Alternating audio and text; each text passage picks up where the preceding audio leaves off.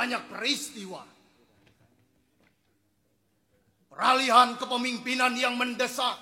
Bung Karno diganti Pak Harto dengan dalih keamanan negara. Pembantaian enam jenderal, satu perwira, enam jam dalam satu malam mati di lubang tak berguna. Tak ada dalam perang Mahabharata, bahkan di sejarah dunia, hanya di sejarah Indonesia.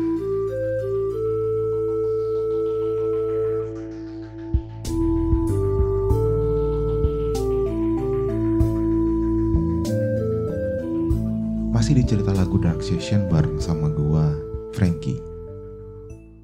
Itu tadi adalah salah satu frasa dalam puisi Mata Luka Sengkon Karta karya Perisandi Wisce. Wah, namanya keren. Dan jujur aja gua agak deg-degan.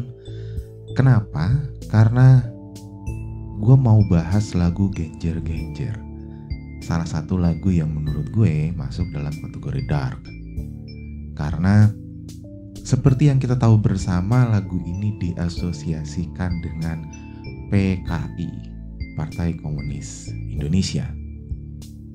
Tapi apakah ini lagu PKI?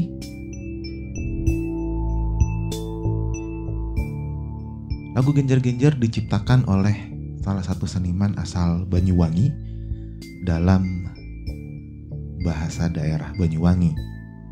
Seniman ini bernama M. Arif dan diciptakan di tahun 1943. Lagu ini menceritakan tentang penderitaan hidup rakyat di masa penjajahan Jepang. Tahun 43, Indonesia belum merdeka, masih dalam masa penjajahan Jepang. Di mana rakyat pada waktu itu terpaksa memakan sayur genjer sebagai lauk. Padahal genjer yang adalah tanaman rawa-rawa itu sebenarnya biasanya menjadi makanan itik. Nih ya gue bacain liriknya ya. Genjer-genjer di petak sawah berhamparan.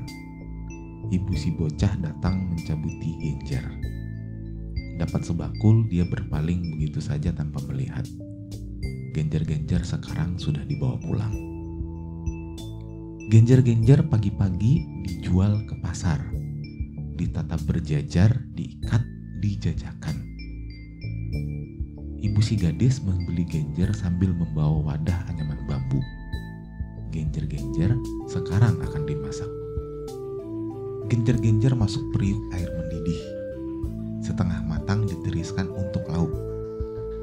Nasi sepiring sambal jeruk di dipan. Genjer-genjer dimakan bersama nasi. Nah itu tadi lirik dari lagu Genjer-genjer jika diterjemahkan ke dalam bahasa Indonesia. Lagi-lagi ini menceritakan tentang kesusahan pada masa penjajahan Jepang. Lalu sebenarnya apa hubungannya lagu ini dengan PKI?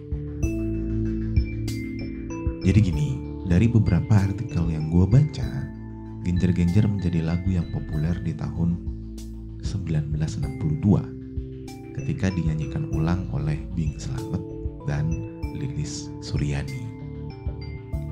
Beberapa musisi bahkan memainkan lagu ini di Istana Presiden pada era Presiden Soekarno.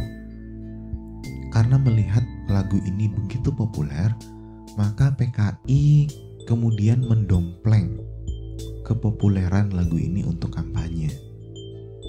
Kalau bahasa anak gaul sekarang mah pansos lah dengan lagu yang populer ini. Gimana enggak?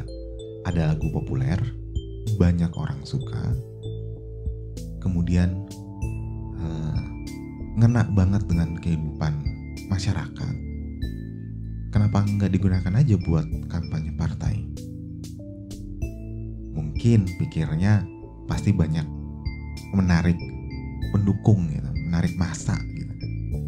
Gak sampai situ, PKI juga sangat mengupayakan supaya lagu ini bisa disiarkan secara intensif melalui siaran RRI dan TVRI. Bahkan sampai menggait artis-artis dan lain sebagainya. Intinya semakin populer dan semakin banyak didengerin gitu. Jadi memang lagu ini diasosiasikan oleh masyarakat pada akhirnya sebagai lagu PKI gitu kan.